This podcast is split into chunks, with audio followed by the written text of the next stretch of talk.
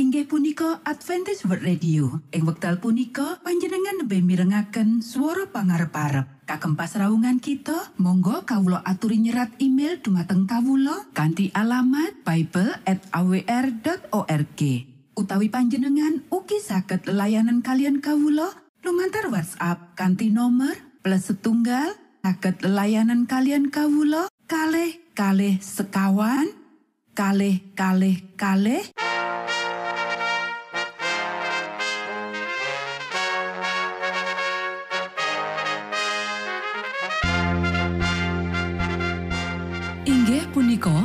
Adventist World Radio ingkang giaran kanti basa Jawi.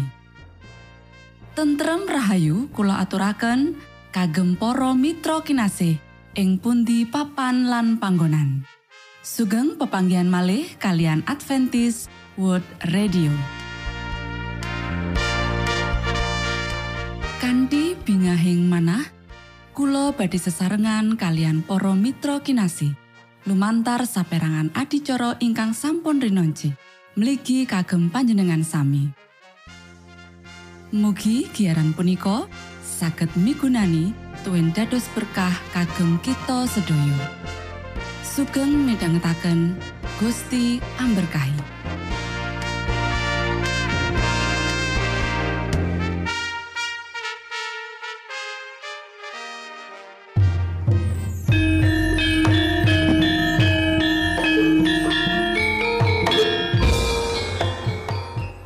Para pamirsa kinasih ing Gusti Yesus Kristus. Ing wekdal punika kita badhe sesarengan ing adicara ruang kesehatan. Ingkang saestu migunani kagem panjenengan saha kita sami. Tips utawi pitedah ingkang dipun aturaken ing program punika tetales dawuhipun Gusti ingkang dipunnyatakaken ing kitab suci. Semanten ugi sakehing seratan ingkang dipun wangsitaken dening Gusti Allah. Nanging saderengipun, monggo kita sami midhangetaken kidung pujian.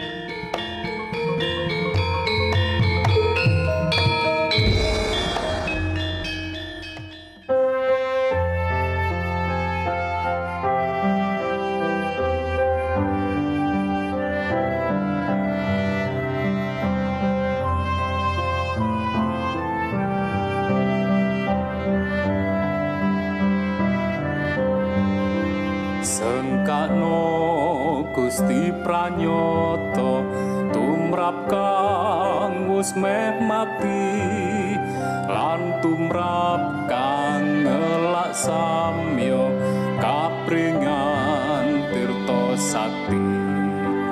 Manah kang ngasor lan suci Gusti mirsa lan nampi kang samyo wuta ing driya antuk pandulu mukti sengkakno asmeng pamarto ing ajenging projalmi sinupre mratobat samyo dados wargane Gusti. Sengkakno Gusti pranyata juru wilujeng jalmi mreh Gusti kapinanggih tumrap ingkang matosi kata tiang sekeng sami ngupati mreh basuki. Kanging sami marek mring Gusti sengkakno asmeng pamarto ing ajenging projalmi sinupre mratobat samyo dados wargane Gusti. Sengkakno lan winartano putreng Allah kang suci Gusti panebus manungsa tan wonten kang nandingi. Sampun rujatu sojalmi dekorban yo kang ati. Saoso puji gustinyo juru wilujeng jati. Sengkakno asmeng pamarto ing ajenging projalmi. Sinupre mratobat samyo dados wargane Gusti. Sengkakno lan winartano putreng Allah kang suci. Gusti panebus manungso tan wonten kang nandingi. Sampun rujatu sojalmi dikurban yo kang ati saoso puji gustinyo juru wilujeng jati. Sengkakno asmeng pamarto ing ajenging projalmi sinupre mratobat samyo dados wargane Gusti.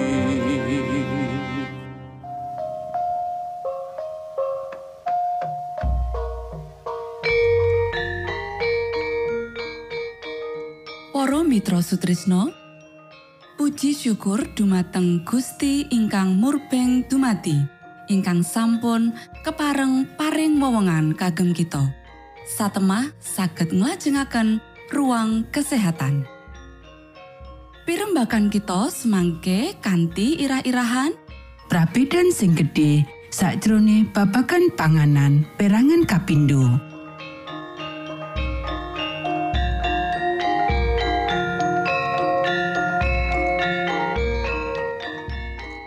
Dumateng para pamirsa ingkang dahat kinurmatan, sugeng pepanggihan malih kalian kula Isti Kurnaidi ing adicara ruang kesehatan. Ing dinten punika kanthi irah-irahan Prabedan sing gedhe sakjroning babagan panganan perangan kapindo. Para sedherek ingkang kinasih, ing episode kang kapungkur kita wis nyinau babagan prabedan sing gedhe sakjroning bab panganan.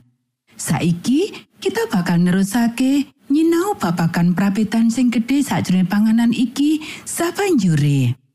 Para sedherek ingkang kinasih, nganyari maneh sakjroning bab panganan kudu lumaku kanthi cara mbaka sithik utawa alon-alon. Amarga leloro sakjroning awake kewan saya nambah, mula panggunaane susu lan endhog saya ora aman. Sawijining usaha kudu dilakokake kanggo ganteni karo bahan liya sing ora larang nanging nyihatake. Masyarakat ing ngendi wae kudu diwulang kepiye sak bisa-bisane masak tanpa nganggo endhog lan susu nanging panganane tetep nyihatake lan enak. Para sedherek ingkang kinasih, praktek mangan ping pindho setino umume migunani kanggo kesehatan. Nanging ing kahanan-kahanan tertentu ana wong-wong sing merlokake ping telu mangan setino. Nanging senadyan perlu, panganan kaping telu kudu enteng banget sing tumati saka panganan sing paling gampang dicerna. Biskuit, woh-wohan lan kopi dhelek utawa jagung ya iku panganan sing paling cocok dadi panganan wanci wengi. Saperangan wong terus kuatir. Ojo-ojo panganane iku senadyan prasaja lan nyehatake bisa nglarani dheweke. Marang wong iki, aku ngomongi, ojo mikir menawa pangananmu iku bakal nglarani kowe. Ojo digagas babar pisan. Mangano sing cocok karo pertimbanganmu sing apik lan sawise sampeyan nyuwun berkah saka Gusti tumrap panganan iku supaya nguatake awak sampeyan percaya menawa Gusti mireng pandonga sampeyan lan asikapo tenang amarga prinsip nuntut kita kanggo ngetokake kabeh bahan-bahan sing larani lambung lan ngrusak kesehatan kita kudu eling menawa panganan sing asor ngakibatake kekurangan getih. Amarga akeh kasus leloro akibat kahanan iki sing banget angel diobati. Para sederek, awak ora cukup entuk gizi lan gangguan pencernaan sarta keringkihan awak sekujur ya iku akibate. Wong-wong sing nuruti pola panganan sing kaya ngono ora saksuwene amarga dipeksa dening kemlaratan. Nanging dheweke milih iku amarga kurang pangerten utawa sikap kurang peduli. Utawa merga nglakoni panemune dhewe sing kleru ngenani pembaharuan iki. Gembira kowe lemah? Menawa rajamu sawijining wong sing tutu asale saka kaum pangarep. Lan pamimpin-pemimpinmu mangan ing wektune sakjroning kaprakosan dudu sakjroning kamabukan Para sederek, Gusti Allah ora diluhurake menawa awak diliruake utawa disalahgunakake lan kanthi mengkono ora pantes kanggo pelatosane. Kanggo ngopeni awak kanthi nyediakake panganan sing disenengi lan nguatake iku salah sijine tugas utamane ibu rumah tangga. Atau luwih apik menawa duweni klambi lan prabot sing kurang larang timbangane ngirit sakjroning pacawisan panganan. Saperangan ibu rumah tangga ngirit panganan kanggo keluarga supaya bisa nyuguh dayoh kanthi kesenengan mewah. Iki ora wicaksana. Sakjroning nyuguh dayoh kutune luwih prasaja. Mugia kabutuhane keluarga entuk kawikaten sing utama. Pangiritan sing ora wicaksana lan pakulinan munafik asring ngepalangi keramat tamahan ing ngendi diperlokake kanggo nekakake berkah. Para sederek, pacawisan panganan kaya pakulinane ing meja nedha kudu diatur sak bisa-bisane supaya dayoh-dayoh sing ora diarep-arep bisa disambut tanpa ngepot-epoti sing duwe omah kanggo gawe panganan tambahan. Matur nuwun, Gusti amberkahi.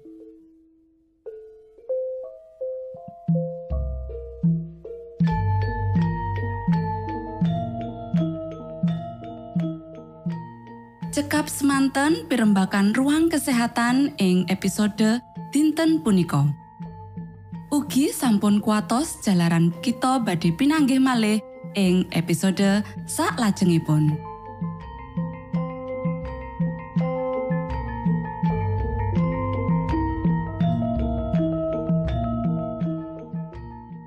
Inggih punika adicara ruang kesehatan. Menawi panjenengan gadah pitakenan, utawi ngersakaken katrangan ingkang langkung, monggo kulo aturi.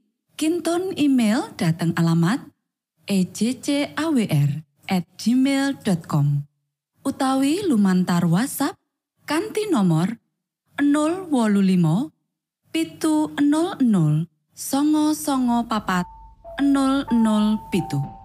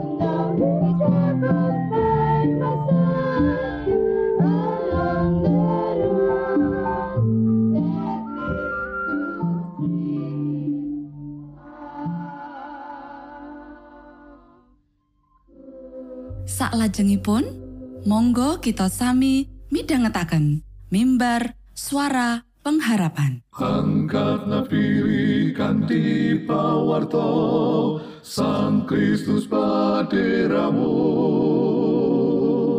Pro umat samyo puji asmanyo Sang Kristus paderamu Inggih punika mimbar suara pengharapan. Ing episode punika kanthi irah-irahan Umating Allah minangka saluran misi. sugeng. Sasuloyo minangka tondo Sang Kristus paderamu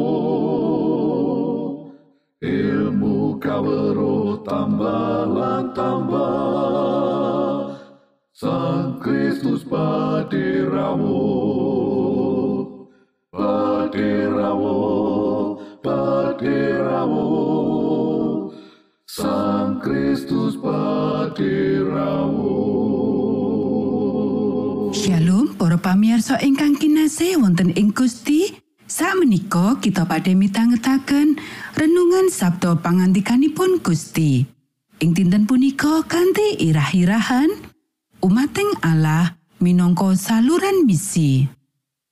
Para sedherek ingkang kinasih, ing sauruting sejarah Gusti Allah tansah kagungan umat kang nyatakake bab karaktering Gusti kang setya tuhu ing sakjroning ketaatane nderek ing sedaya karsan Gusti. Umat Gusti Allah iki minangka para wong-wong kang padha katimbalan lan wong-wong iki wis padha nampa ulemane Gusti Allah kanggo ngayahi seramatipun. Sakabeh wong iki wis lan bakal terus dadi alate Gusti Allah kanggo ngrampungake sakabeh misine. Monggo diwaca ing kitab Purwaning Dumadi pasal rolas ayat siji lan telu. Sang Yehuwa dawuh marang Romo Abram, Siro lunga ninggalo tanah Hiro, keluarganiro lan omai bapak Iro.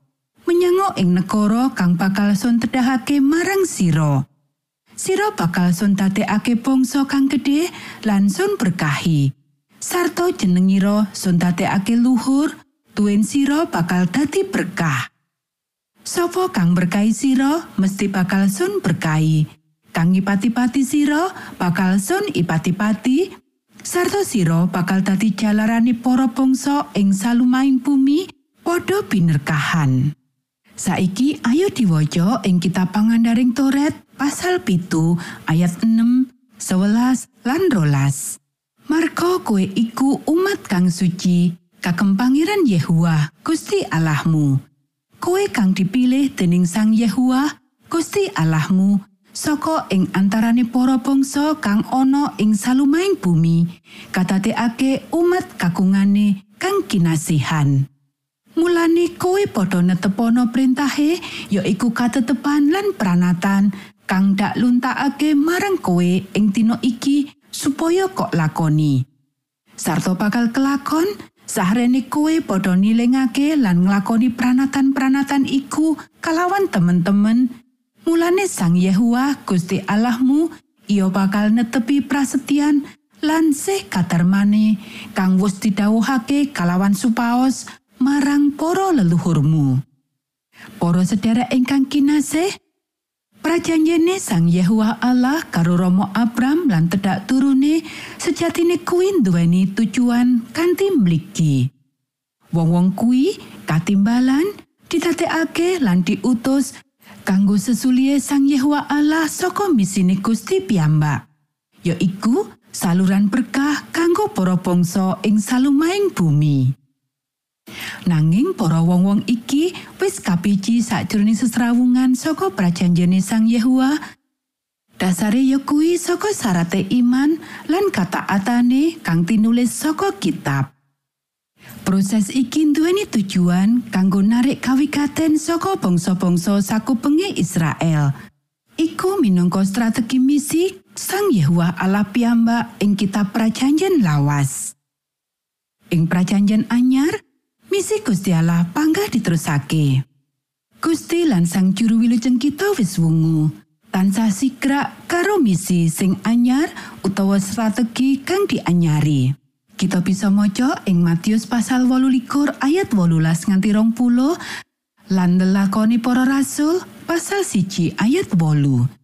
Nalika para murite Sang Kristus banjur padha dadi pasamuan lan padha metu sakjroning misi ing salumehing jagat.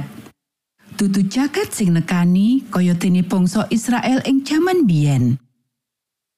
Para sedherek ingkang kinasih, misi ora mung kawiwit saka pasamuan wae. Kosok balene, pasamuan ono merga Sang Yahwa Allah kagungan misi sing arep diayahi lan panjenengane nggunakake pasamuan kanggo ngrampungi sakabehe. Nanging ono satunggaling pitakonan. Terus misi pasamuan kuwi apa? Misi pasamuan kuwi minangka padha karo misine saka panjenengane kang wis nimbali pasamuan. Tema pasamuan kuwi bisane ana sebab putrane manungsa iku rawe perlu goleki lan mitulungi rahayu marang wong katriwal. Lukas pasal 19 ayat 10. Para sedherek ingkang kinasih, senadyan ora ana wong papar pisan ing jerone pasamuan bisa nyelametake wong liyane, kita kudu bisa ngarahake sedulur kuwi supaya selamat saka welase Sang Kristus. Misine pasamuan ya kuwi kanggo nyelametake wong-wong kang nandang dosa kang lagi kepaten. Misi iki kang tujuane kanggo ngertakake sih rahmate Gusti Allah menggahing manungsa lan paring katentreman marang manungsa liyan marang Sang Kristus saka kaampuhane sih katresnan. Satemene siji wewengan kang pinunjul lan tanggung jawab kang pinunjul. Monggo kita sami ndedonga. Duh Rama kawula ingkang wonten ing swarga, asma patuko mugi kasucikaken. Kraton patuko mugi rawuh, karsa patuko mugi kalampahan wonten ing bumi kados dene wonten ing swarga. Kawula mugi kaparingan rejeki kawula sak cekapipun ing dinten punika. Saha patuko mugi ngapunten kalepatan kawula kados dene kawula inggih ngapunteni tetiang ingkang kalepatan dhateng kawula. Punapa dene kawula mugi sampun ngantos katantukaken dhateng ing panggoda nanging mugi sami patuko uwalaken saking piawon. Awit dene patuko ingkang kagungan kraton saha wisesa tuen kamulyan salami laminipun. Amin.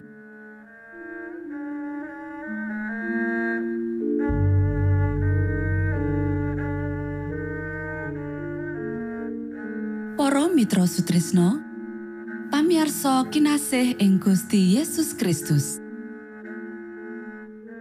Sampun paripurno pasamuan kita ing dinten punika. Menawi panjenengan gadah pitakenan utawi ngersakaken seri pelajaran Alkitab suara nubuatan, monggo Kulo aturi kinton email dateng alamat ejcawr gmail.com utawi lumantar WhatsApp kanti nomor 025 pitu 00 songo songo papat 00 pitu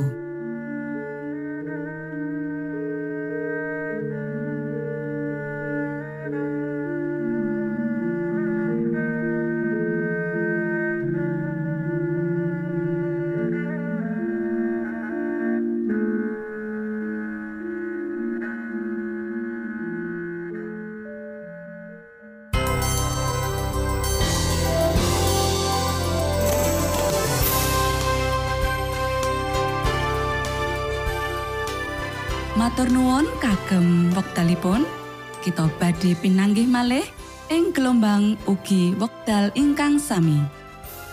Saking studio kula ngaturaken tentrem rahayu. Gusti amberkahi kita sedaya. Maranata.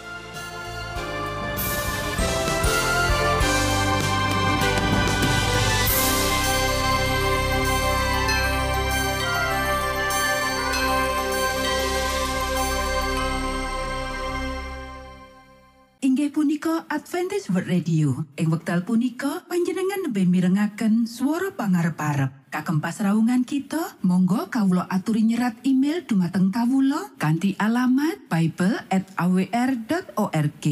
Utawi panjenengan ugi saged layanan kalian kawulo lumantar WhatsApp kanti nomor plus setunggal saged layanan kalian kawulo kalih kalih sekawan kalih kalih kalih